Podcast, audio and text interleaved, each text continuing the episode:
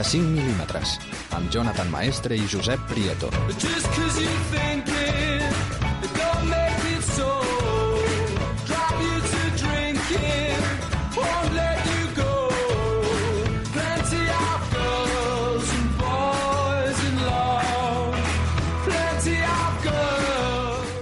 Bona nit, passen gairebé 3 minuts a dos quarts d'onze de la nit i avui tenim a les estrenes acció, drama i comèdia a parts iguals. I a la mirada enrere, Josep, bona nit. Bona nit. No me'n faig creus que hàgim trigat tant de temps a parlar d'aquesta pel·lícula. És que ens vols parlar de la primera part de El Padrino.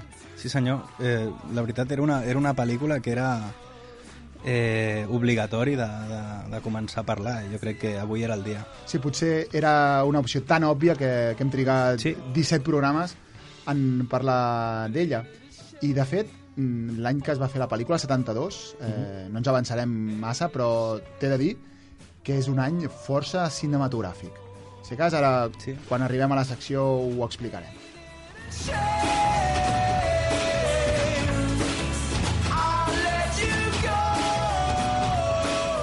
Però abans, com sempre, començarem amb les estrenes de la setmana.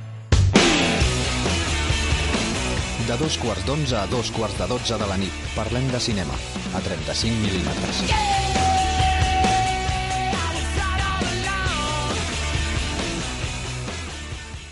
Soy Tony Stark. Fabrico cosas chulas. Tengo una novia genial. Y de vez en cuando salvo al mundo. ¿Por qué no puedo dormir? Ustedes me eligieron por mi programa electoral. Voy a defender a este país a toda costa. Hay que detener al mandarino. No sabéis quién soy. Jamás me veréis llegar. ¿Qué piensa hacer respecto a estos ataques? El mundo nos estará observando. La pregunta es, ¿dónde está Tony Stark? Todo ha cambiado. Tengo que proteger lo único sin lo que no puedo vivir. O sea, tú. Señor Stark, hoy es el primer día de lo que le queda de vida. Amb aquesta premissa arriba la tercera entrega de les aventures de Tony Stark. A Iron Man 3, l'industrial i superheroi s'enfronta a un adversari anomenat el Mandarí. No només ha destruït el seu món, sinó que amenaça els seus éssers més estimats. Per tal de derrotar-lo i superar la crisi existencial en la que es troba immers, reuneix un exèrcit d'armadures. La seva venjança està servida. Le doy la oportunidad de elegir. ¿Prefiere una vida vacía o una muerte relevante? Usted no es un hombre. No es más que un maníaco. No le tengo miedo. Y no es una cuestión política. Se trata solo de venganza. Necesitamos refuerzos. Pues tú mismo.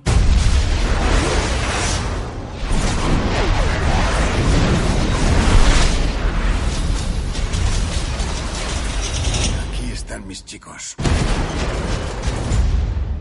A partir del personatge dels còmics de Marvel, el guió d'aquest tercer film de la franquícia està signat per Shane Black, responsable de reputats títols d'acció com la saga Arma Letal, El último gran héroe, Memoria Letal o El último Boy Scout. A més a més, Black s'atreveix a dirigir aquesta, la seva segona pel·lícula. Robert Downey Jr., Gwyneth Paltrow i John Favreau repeteixen, com no podia ser de cap més altra forma, amb els seus personatges, com també ho fa Don Cheadle, que apareix a la 2. A més a més, aquesta tercera part compta amb cares conegudes com Ben Kingsley, Rebecca Hall o Guy Pearce.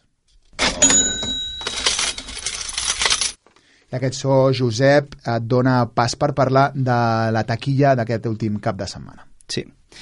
Si la setmana passada dèiem que, que havia sigut el pitjor cap de setmana en quant a espectadors dels últims nou mesos, Mm -hmm. coincidíem amb la passada Eurocopa, recordem que es va fer una recaptació de 5,3 milions d'euros. Aquest cap de setmana ha sigut el, el pitjor de la història, amb un total de 3,7 milions d'euros. Poquíssim. És, és una llàstima. O sigui, estem vivint La, la crisi, eh? la, la crisi del cinema a Espanya, totalment. A veure, a veure si aquest cap de setmana la cosa comença Sí, a pujar una miqueta. Com, com diuen que farà dolent, potser sí que la gent Sí, s'anima sí. una mica en el cinema i, i ja que no pot disfrutar de, del bon temps doncs, doncs no els hi sabrà tan greu tancar-se entre cometes en una sala de cinema i, i a veure si, si fem pujar aquest, aquest box office nacional almenys Sí, doncs comencem, si vols, el box office espanyol amb Oblivion, en primera posició, amb un total de 4 milions d'euros a la segona setmana. La segueix Memòries d'un zombi adolescente, amb 400.000 euros a la primera setmana. I en tercera posició, encara el top 3, Los Cruts, que porten 11,5 milions d'euros a la seva cinquena setmana en cartell. I al box office americà trobem en primera posició també Oblivion, amb un total de 38,5 milions de dòlars a la segona setmana.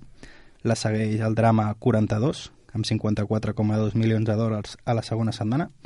I per últim també eh, Los Cruts, amb un total de 155 milions de dòlars a la cinquena setmana.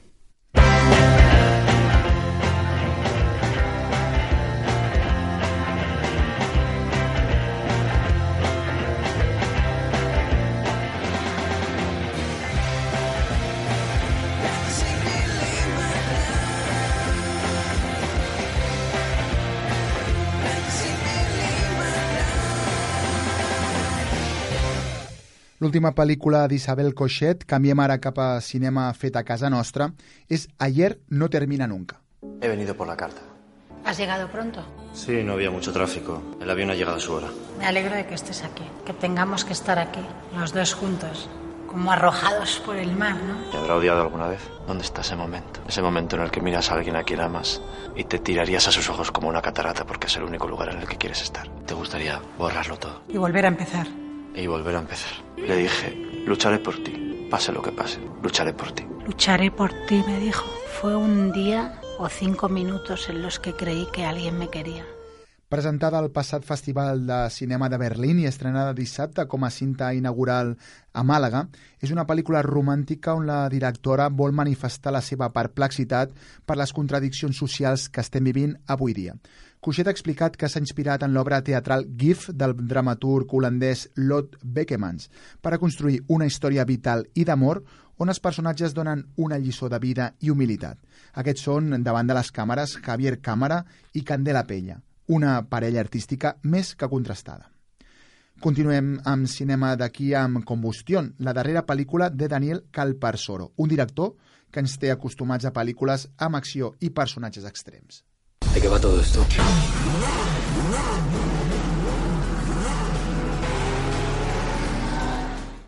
Doncs va sobre carreres de cotxes il·legals i robatoris, i aquí l'ha anomenat The Fast and the Furious espanyola. Un jove a punt de casar-se amb l'hereva d'una important joieria és seduït per una noia misteriosa i a poc a poc es va introduint en el seu perillós món. El que no sap és que tot forma part d'un elaborat plan per ficar-se a casa seva i robar-li. La joyería está en el centro. Este es el objetivo. Le llamo a Miquel Gómez. Pero si son la pareja ideal, ¿me prometes que vas a estar siempre conmigo? Todavía no sé ni cómo te llamas. Ari, ¿Tienes novio? ¿tú qué quieres? ¿Que tenga o que no tenga? En realidad, con que me digas la verdad me vale. Nos queda solo este trabajo para juntar la plata y correr en Isfoga. Igual es el momento de parar. ¿Cuántos pardillos como yo habéis engañado? Tenemos a la poli detrás. Quiero mis 100.000 pavos pasado mañana. ¡Abre! Aquí no hay nada para ti, nada más. Va a haber otras carreras. No va a haber otras carreras. Si fa pocs mesos que el Soro estrenava Invasor, protagonitzada, entre d'altres, per Alberto Amán, ara també repeteix amb l'actor hispano-argentí. Els papers principals són per Àlex González, el veiem fa un parell de caps de setmana estrenant a l'Acran Enamorado, i per la televisiva Adriana Ugarte. Combustión també participa a la secció oficial del Festival de Cinema de Màlaga, que està tenint lloc aquests dies.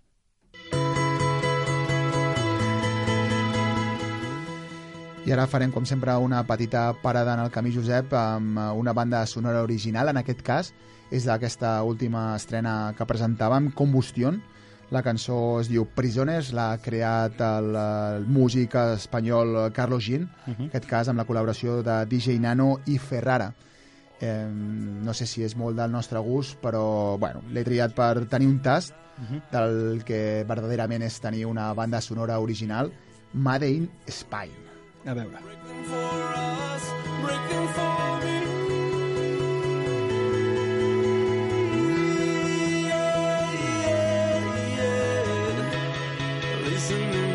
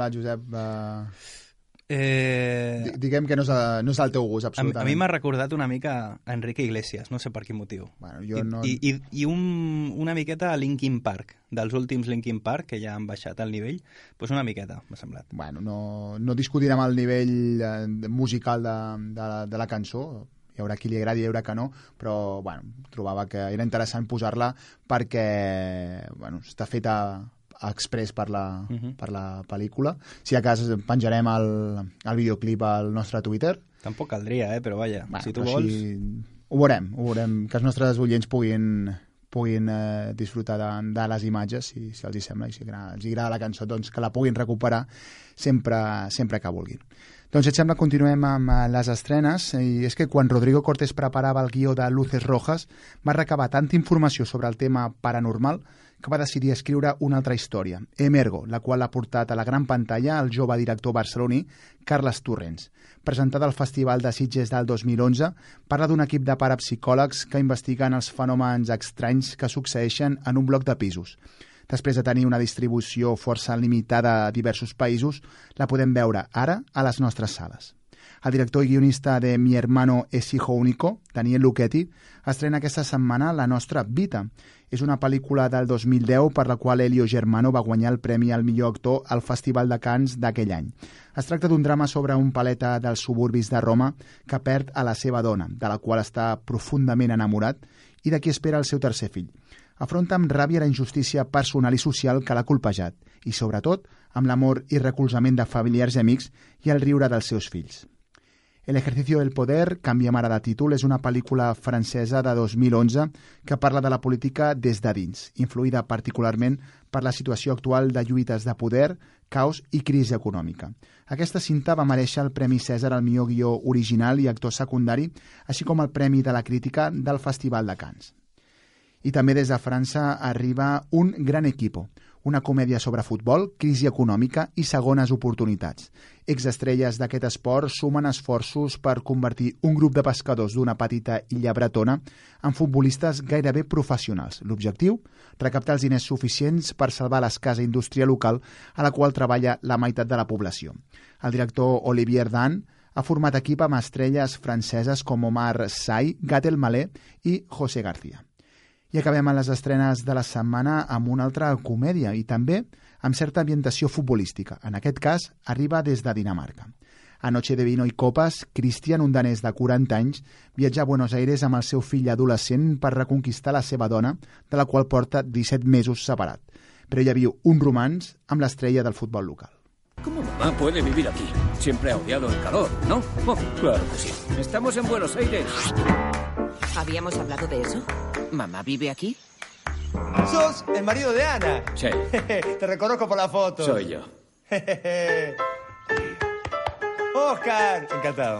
Salud. Es un placer volver a verte. Hemos conocido a tu novio. ¿Juan? ¿Es que hay otros? Estaba desnudo. Soy Juan Díaz. Esta es mi novia. No es mi madre. Él me mira. El sexo con él es realmente increíble. Vale ya. ¿Alguien reparte pastillas cliché o qué? Y los motivos del divorcio son... Te estás follando a mi mujer. Esa es la razón del divorcio. ¿Cogiendo? Soy católico, ¿ok? Es amor. Sí, ¿eh? Julio Iglesias a eso le llama polvo. Des de fa una estona podeu trobar aquest tràiler i el de totes les estrenes d'aquesta setmana al nostre Twitter, arroba 35mm. 35 mil·límetres, amb Jonathan Maestre i Josep Prieto.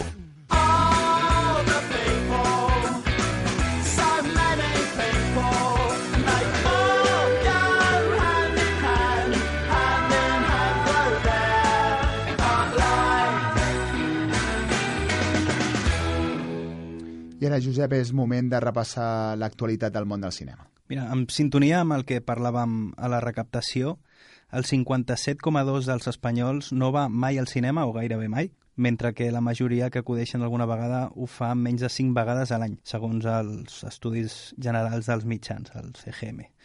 El 42,8% de la població afirma acudir alguna vegada al cinema, eh, segons l'estudi corresponent, de fet, és del, des de l'abril del 2012 fins al passat mes de març. Segons les dades de l'informe dels, que, dels qui van alguna vegada al cinema, el 16,3% indica que ho fa menys de 5 vegades l'any, l'11,6 5 o 6 vegades l'any i el 9,1 una vegada al mes. El 4,3% dels espanyols va al cinema dues o tres vegades al mes, mentre que un 1,4 acudeix a les sales una vegada per setmana i el 0,1 dos o més vegades a la setmana. Aquí és estrany perquè tu no sortiries a, a l'estudi. Tu estaries en el 0,0001, que va tres o quatre vegades per, per setmana al No, cinema. no, no tant, no tant. Intento anar un cop per setmana. Com a mínim. Com a mínim. Home, si, si hi ha dues estrenes que m'agraden, intento. Jo, jo sóc dels que m'encanta... Encara que últimament he de dir que, que estic una mica enfadat amb, amb, amb algunes sales. Per una banda, la gent que és una mica eh, maleducada i parla, eh, es pensen que estan a casa seva i aquest tema el porto una mica malament. Mhm. I després, d'altra banda... El de les crispetes, també, el del costat. Bueno, aquí bueno, ja m'he acostumat. A més, jo sóc dels que fa soroll també. També. Doncs no series un bon company. Però una altra cosa que també m'emprenya és les llums aquestes de- d'emergència que, que hi ha als costats, que, que reflexen la llum aquesta blava, normalment és blava, a la pantalla. Jo no sé si algú ho ha pensat de que potser és mala idea posar aquestes llums tan potents allà. Sigui, realment és molt emprenyador perquè tot el treball de talonatge, de preparació de còpies Clar. que hi ha amb els directors de fotografia mm, a l'hora de, de presentar les còpies de, de, de tiratge, de, de les que van a, a, al cinema, a la distribució, tota aquesta feina se'n va en orris amb, amb, amb, amb aquesta llum Sí. que, que, que, contamina realment a, el, el, el color Sí, sí, i la sí. textura que ha de tenir la, la imatge en, en pantalla. La veritat que, que és terrible. La segona seria una solució que hauríem de, de demanar als exhibidors, sí. però l'altre és senzill. Entre setmana, a hores aquelles golfes o hores Sí. més complicadetes, eh, se sol estar bastant bé perquè hi ha poc, poc eh, públic i és eh, els que intento anar jo si et serveix. Vaja. I d'aquesta manera també puja una mica més la, la De recaptació. fet, entre setmana no hi ha sessions golfes. Eh, el ja, problema... ja, ja ens entenem, a la de les 10, Sí, a l'última del dia... el problema és això, que clar, entre setmana tothom té una vida, no?, i té una feina, i és complicat a vegades compaginar eh, els, eh, els hobbies amb, amb la feina. Però bueno, estem a les notícies, t'ho t'ho recordo. Eh, seguim. L'adaptació a la gran pantalla de 50 sombres de Grey segueix buscant director i, pel que sembla, al projecte no, no li falten candidats. L'últim nom a sonar és el de el dues vegades nominat a l'Oscar Gus Van Sant. Mhm. Pel que sembla, el director de Mi nombre és Harvey Mill, que estaria molt interessat a prendre les regnes de la versió cinematogràfica de la reeixida novel·la eròtica d'E.L. James, que apadrinen Universal i Focus. Els rumors apunten que el director ja hau- hauria rodat una seqüència de prova amb Alex Pittifer, a qui hem vist últimament a pel·lícules com Magic Mike o In Time. Amb, de fet, faria el, el paper de Grey. Mhm.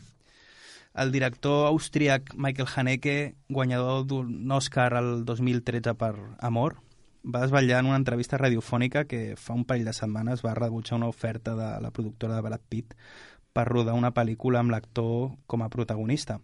Va dir, les pel·lícules mainstream nord-americanes són un tipus de cinema de respostes. Un surt i el món ha d'estar en ordre. I amb mi això no passa.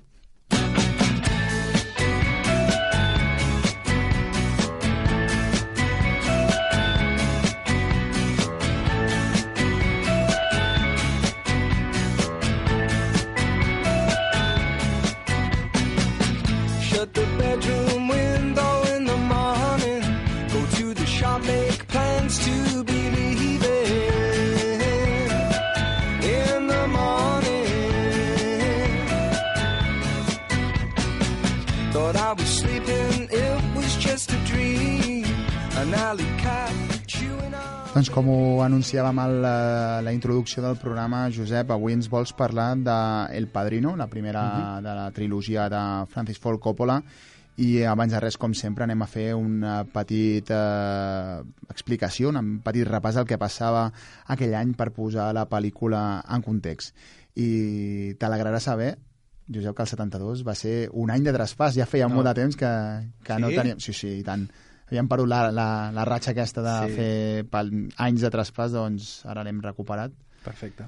Doncs el 72 és, eh, el recordarem, és recordat pel, pels Jocs Olímpics d'estiu de, de Munic, uns jocs que van ser marcats per la massacre d'11 integrants de l'equip d'Israel a mans d'un grup terrorista, l'anomenat Setembre Negre, eh, fet que han pogut veure en- plasmat a la gran pantalla en, en diverses ocasions. També el 72 eh, el recordem pels Jocs Olímpics d'hivern de Sapporo, al Japó, on l'esquiador Paquito Fernández Ochoa va guanyar una medalla d'or una gran pro- proesa, però, però que jo sàpiga no ha donat eh, peu a cap, a cap guió de, de, de cinema. Eh, com dèiem, es pot dir que el 72 va ser un any força cinematogràfic perquè van ocórrer força coses que després hem vist al cinema. Mira, per exemple, els successos de Diumenge Sagnant, el Bloody Sunday a Irlanda del Nord, el, el Watergate als Estats Units, o l'accident d'avió de, dels Andes, eh, aquell equip de rugby el, que van plasmar la pel·lícula sí. Viven, per exemple. Eh, a més a més, el 72 va engegar la central nuclear de Vandellós. Això de moment no, no s'ha fet cap pel·lícula, esperem que no, que no s'hagi de fer Esperem, que no s'hagi de fer cap pel·lícula sobre Vandellós. Eh, en qüestions de colonialisme, sabem que a finals de, del segle XX van començar a caure moltes colònies, fet que, que és d'agrair, realment ja era hora, hi havia Sí. països que van trigar bastant, doncs el 72 Thailand va passar a convertir-se en la República de Sri Lanka.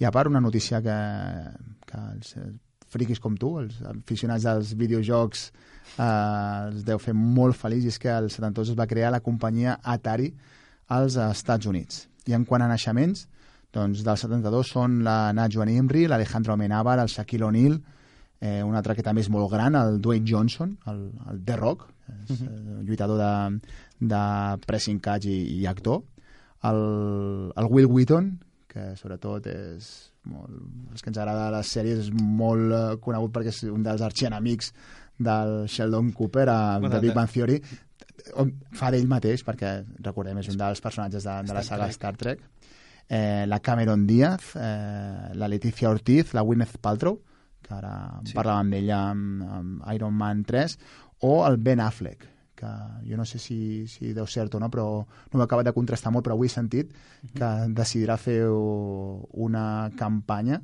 eh, contra la, la fam i per això passarà amb poc més d'un dòlar diari. O sigui, gastarà un dòlar diari per, en menjar, no gastarà més, com, Ah, molt bé. com, com acció solidària. La veritat que, que bueno, si és, si és veritat, doncs ens alegrem i esperem que, que el ressò que té l'actor i director nord-americà doncs, pugui ajudar a, I tant. a combatre una, una de, les, de les grans eh, lacres de, de, dels nostres temps.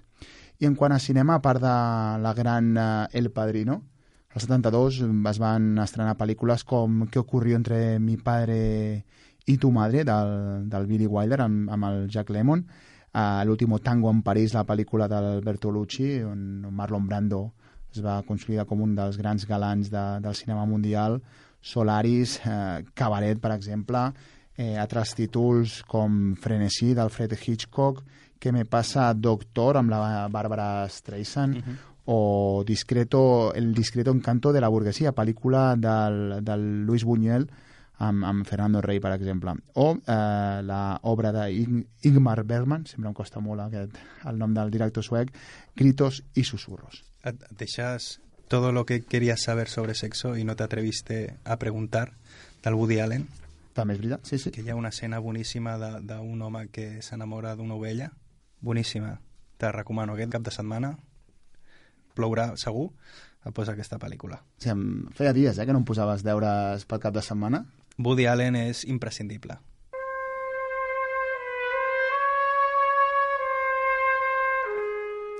I això és per introduir a poc a poc el que ens parles. És la banda sonora original del Padrino. És la cançó anomenada Walls, Vals, vaja. Uh, una pel·lícula composada per uh, Nino Rota. Si et sembla, Josep, l'acabem de sentir i a la tornada ens expliques curiositats sobre el Padrino.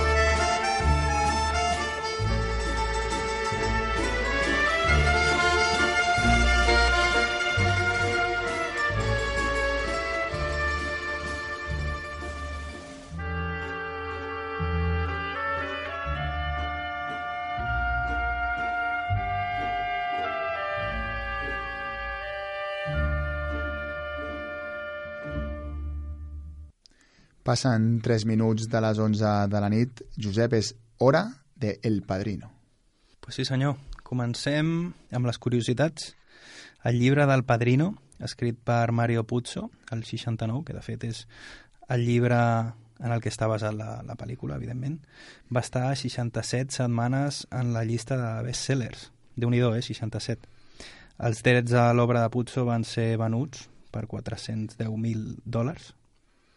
Els extras de l'edició en DVD, Francis Ford Coppola afirma que a les escenes en què es veuen els primers plànols dels diaris, com, com a, la, a la qual Kay i Michael veuen la notícia que han atemptat contra Don Corleone, van ser filmades per George Lucas. Això mai, mai s'ha contrastat per el mateix George Lucas, però, però és el que diu Coppola. Robert De Niro, que va fer de Vito Corleone a la segona part, es va presentar a les audicions pel paper de Sonny Corleone, que no, que no és una nova consola, és el personatge de, del fill, però finalment no, no el van contractar. A l'escena en la qual pugen a Vito ferit a la seva habitació, Marlon Brando va amagar a la llitera uns pesos de 90 quilos, així que amb, Marlon era un total de 270 quilos. Les persones que van, a fer, van fer de camilleros ho van passar realment malament a l'hora de pujar a Don Vito a pols. Això és mala llet, eh? És mala llet, déu nhi eh? 270 quilos. jo, jo no, vamos, ni, ni, jo no, no puc agafar ni 20 quilos, imagina't. El cap de cavall mític que es pot veure a la pel·lícula anava a ser real, però Coppola diu que va rebre multitud de queixes de societats protectores d'animals i la va haver de canviar per una de ceràmica.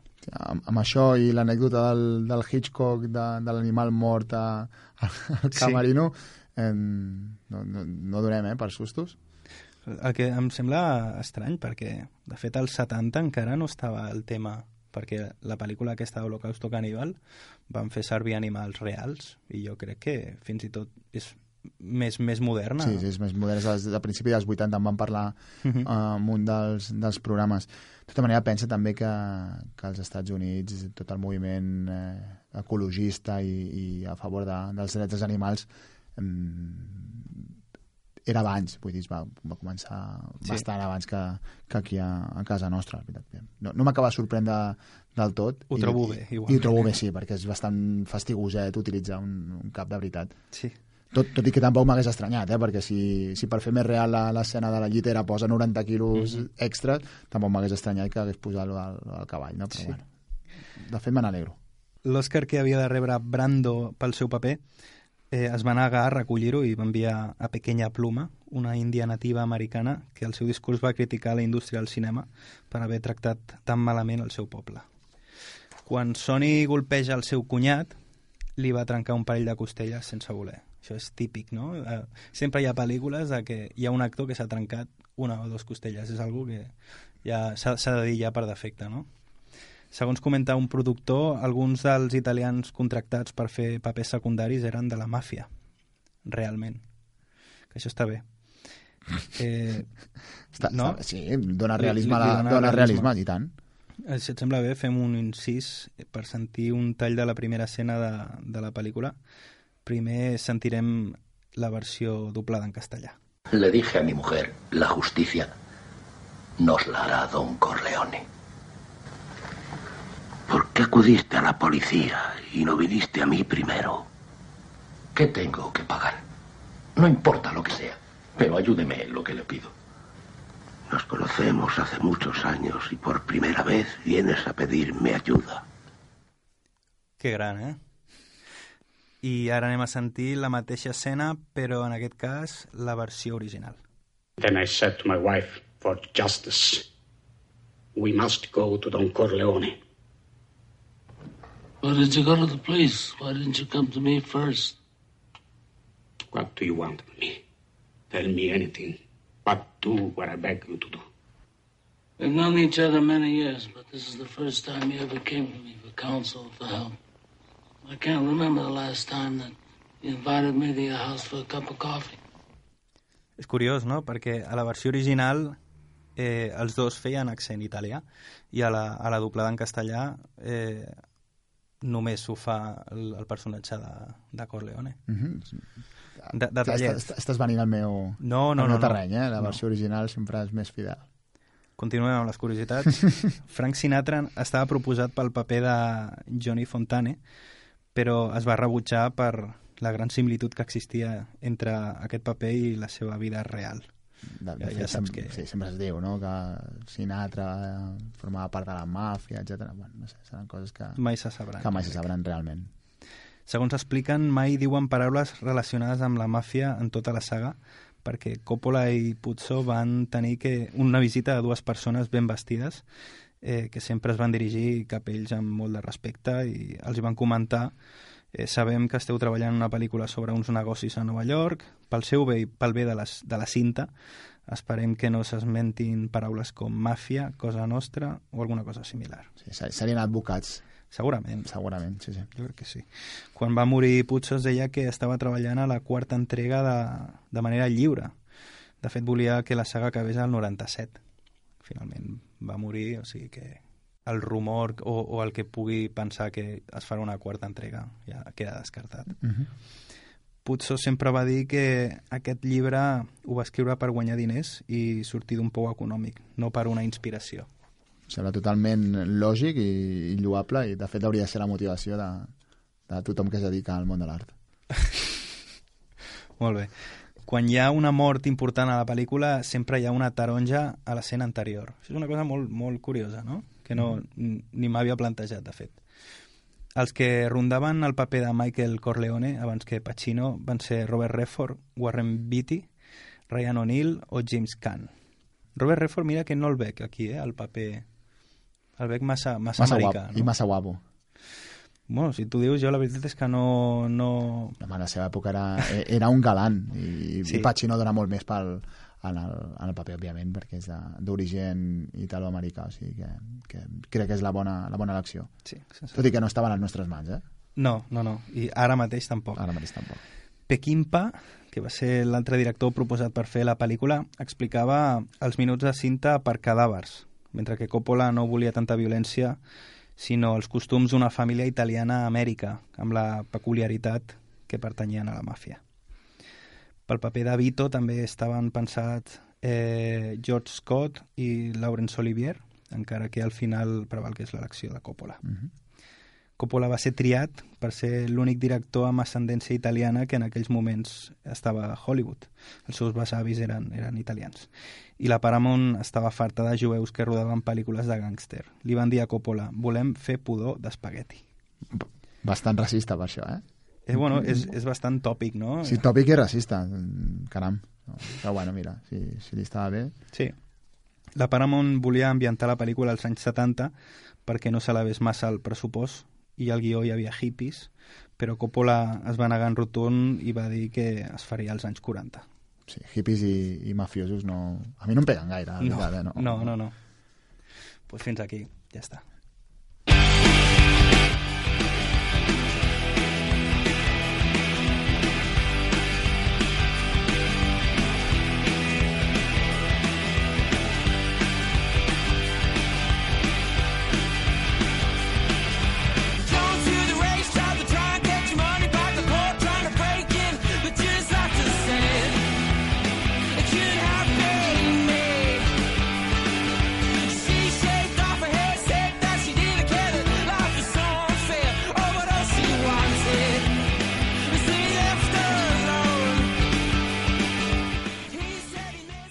Josep, el 5 en línia crec que avui ens tens preparat alguna especial.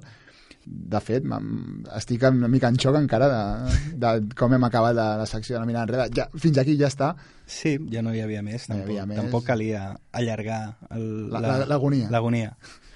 doncs avui al 5 en línia lligarem a Jesse Eisenberg amb Belén Esteban. Caram. Jesse Eisenberg el recordem a Facebook, a Zombieland. No, no el confonem amb Eisenberg, el de Breaking Bad, Mhm. el personatge. I avui faré la secció amb, amb l'aprovació de, de Juanjo Cardenal, que és la, la veu en off de, de Saber y Ganar. Hola, Juanjo. Hola, muy buenas tardes.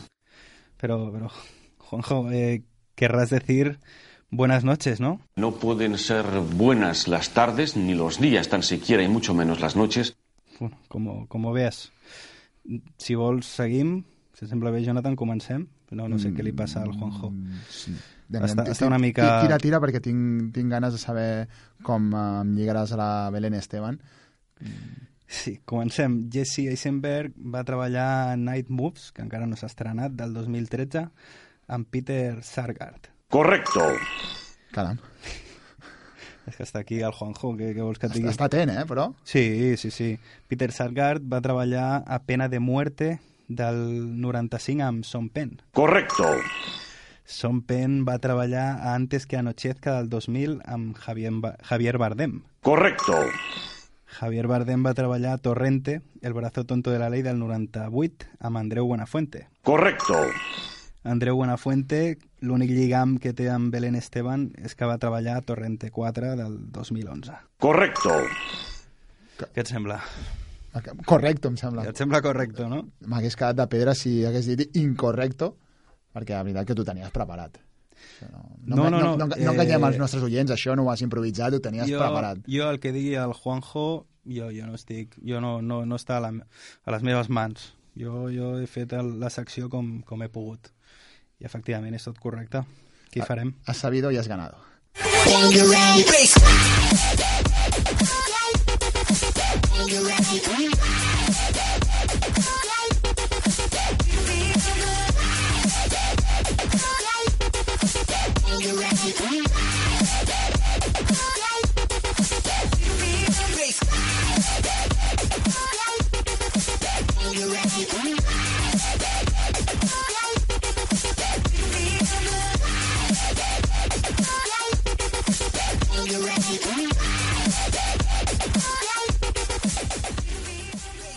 I arribem a l'última secció del programa avui amb el Twitter. Eh, què es eh, comenta a la xarxa?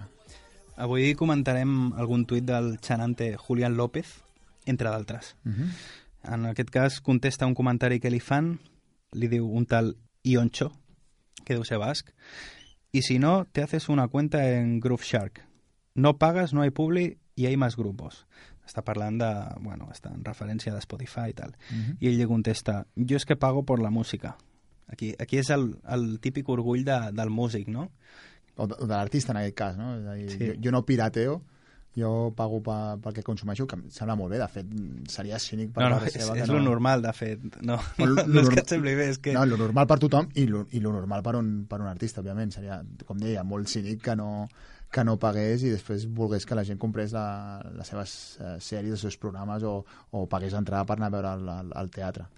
Em sembla molt bé el tema de l'Spotify i tal, però realment eh, s'ha matat la música. De fet, internet ha, ha matat el tema artístic, com a mínim ja no podem gaudir de, de, de grans pressupostos per, per, perquè es, es perden calés avui en dia, Tant en, sobretot amb la música, perquè la música potser no mou tants calés com el cinema, no?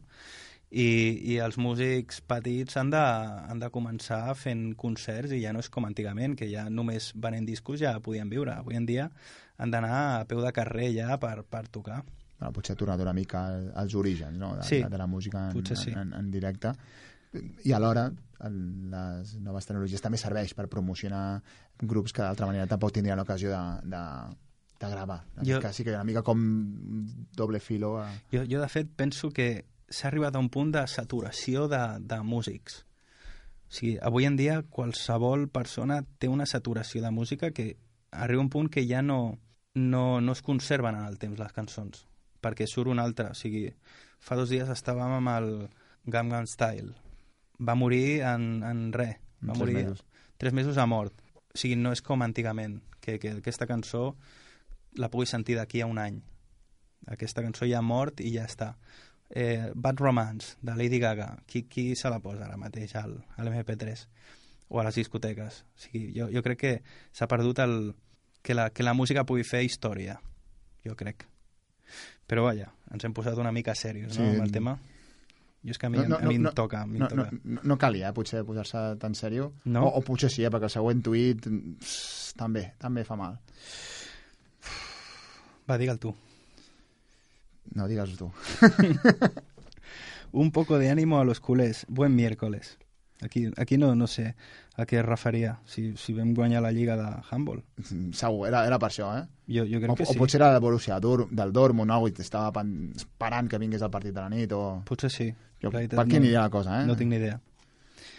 Va, com, com sé que et va agradar el, els tuits de, del també xanante Raúl Cimas, anem a dir un parell dels seus. Mhm. De aquí a un mes empiezan a llegar los socorristas argentinos. Enhorabuena, chicas. Però no han marxat tots? Què, què vols dir que han marxat tots? Doncs els argentins són, sobretot els pisters que hi ha a les estacions d'esquí del Pirineu, la majoria són argentins, ja s'han marxat un altre cop per, per fer de, de pisters a, a los Andes. No, és que jo, jo no... no Clar, tu no puges tant a la neu, no... No, no, no. no. Tu, tu eres más de socorrista argentino. Sí, sí, sí, a mi m'agraden molt. Tenen una làbia bastant important. Tu, de fet, t'ofegues, no? Fas que t'ofegues per... Sí, me, sí, sí. Me, me rescata o què hace, no? Sí, i sobre el... sempre són baldanos. Tots els argentins són baldanos. Durante la revolución industrial era un disparate ir con chanclas. Sí, yo, yo creo que sí. Es complicado. Si te cruzas con un amigo de tu padre y le preguntas si le apetece un café, probablemente estás alone in the dark. Aquí, aquí vol dir que, que si li dius a un amic del teu pare de fer un cafè és que masses amics no tens. Sí, O, ton, o ton pare en té molts i molt, i molt catxondos. Sí, bueno, clar, si el teu pare és, és potser una estrella de Hollywood, no?, i et trobes a una altra estrella encara. Però si et trobes al Paco del Quinto i li dius a fer un cafè, has d'estar molt malament per... per... Ojo, sense desmereixer, que mon pare és una estrella, eh? Al, al bloc sí, de pisos. Sí, sí, sí. Que, què vols dir, que tu convides a cafès als, als amics del teu pare? O... No, els amics de mon pare em conviden a mi. Ah, molt bé, molt bé. Que, que no sé què és pitjor. A, a Cigalós, no? A... Cara, no, carajillo. Els carajillos. I per acabar, un de Damián, un personatge que surt a l'Hormiguero, que fa de formiga també. Mm -hmm. No, Eh, T'he dit moltes vegades que aquestes coses no me les diguis. No, no, no, no. Que em porto dues il·lusions. Que després tinc somnis. I tu, venga. Fa de formiga, però, però la del programa realment existeixen, eh? Ah, vale. El que passa és que no surten. És com els reis, no? Que, que tenen, diguéssim... Representants locals. Sí, però que després estan els, els, els de debò. De veritat. Mhm. Me lo acaban de contar en Calaveras Huecas. Deu ser un programa o algo així. Diu, solo me quieres por mis tetas. No metas al perro en esto. L'has entès? Deu ser per lo de mis tetas, el xista que Clar, has vist a mis tetas. Jo, jo dic que aquest, aquest acudit li deu, li deu agradar al Jonathan, no? A mi no, jo en sèrio, és d'aquells um, acudits mítics de, de l'humor surrealista, però jo mai no havia trobat el què. No, no, jo tampoc, la veritat. Jo, jo no sóc massa d'acudits, eh? No. No, no, de veritat, de veritat. No, no em fan gràcia. A mi quan em, em volen fer gràcia, no em fan gràcia. O sigui, faig un, amb Rick per, perquè la- l'altra persona que me l'està explicant no quedi malament em diu, i jo faig. Però és mentida, no m'estic rient en realitat. És, és com allò de la veu de doblador. Com era jo? Que et feies? era venid aquí sí, sí, sí. No, no, jo Rick sí, sóc un fals. Jo, jo Rick quan, quan realment no, no em fa gràcia. O sigui, tu ara em pots dir, digue'm, digue'm una paraula que, que et vingui al cap Ara em poso molta pressió, eh? digue'm, digue'm ah, això Clar, home. Que bo, tio. Veus? I ja està. Ja quedes bé, l'altra persona no se sent malament i podem seguir sent amics. Home, jo m'he sentit malament, has trigat molt a riure. És que no l'havia entès, l'acudit. No, no, no era un acudit, per això no l'havies entès. Vale. Doncs, eh, Josep, eh, faltant gairebé eh, 7 minuts per arribar a dos quarts de 12 de la nit, no volem acabar el programa sense recordar que aquest cap de setmana hi ha cinema aquí a Castellà. Sí, comentem que es projecta a l'auditori Lo Impossible el divendres a les 9 i mitja i el diumenge a les 6 i Tintín el dissabte a les 6. Mm, perfecte, dues pel·lícules Recomanables. molt recomanables, la veritat. Mhm. Una perquè ha sigut un dels fenòmens eh, del cinema de, de casa nostra a nivell mundial, de fet tècnicament és, és, és impressionant, i l'altra, Tintín, que també tècnicament és, és molt interessant, per qui no li soni tant, és la pel·lícula d'animació però basada en, en actors eh, reals. És la millor pel·lícula d'aventures de l'última dècada, potser. I si t'agrada els còmics de, de Tintín, doncs, doncs eh, no el pots de, deixar escapar.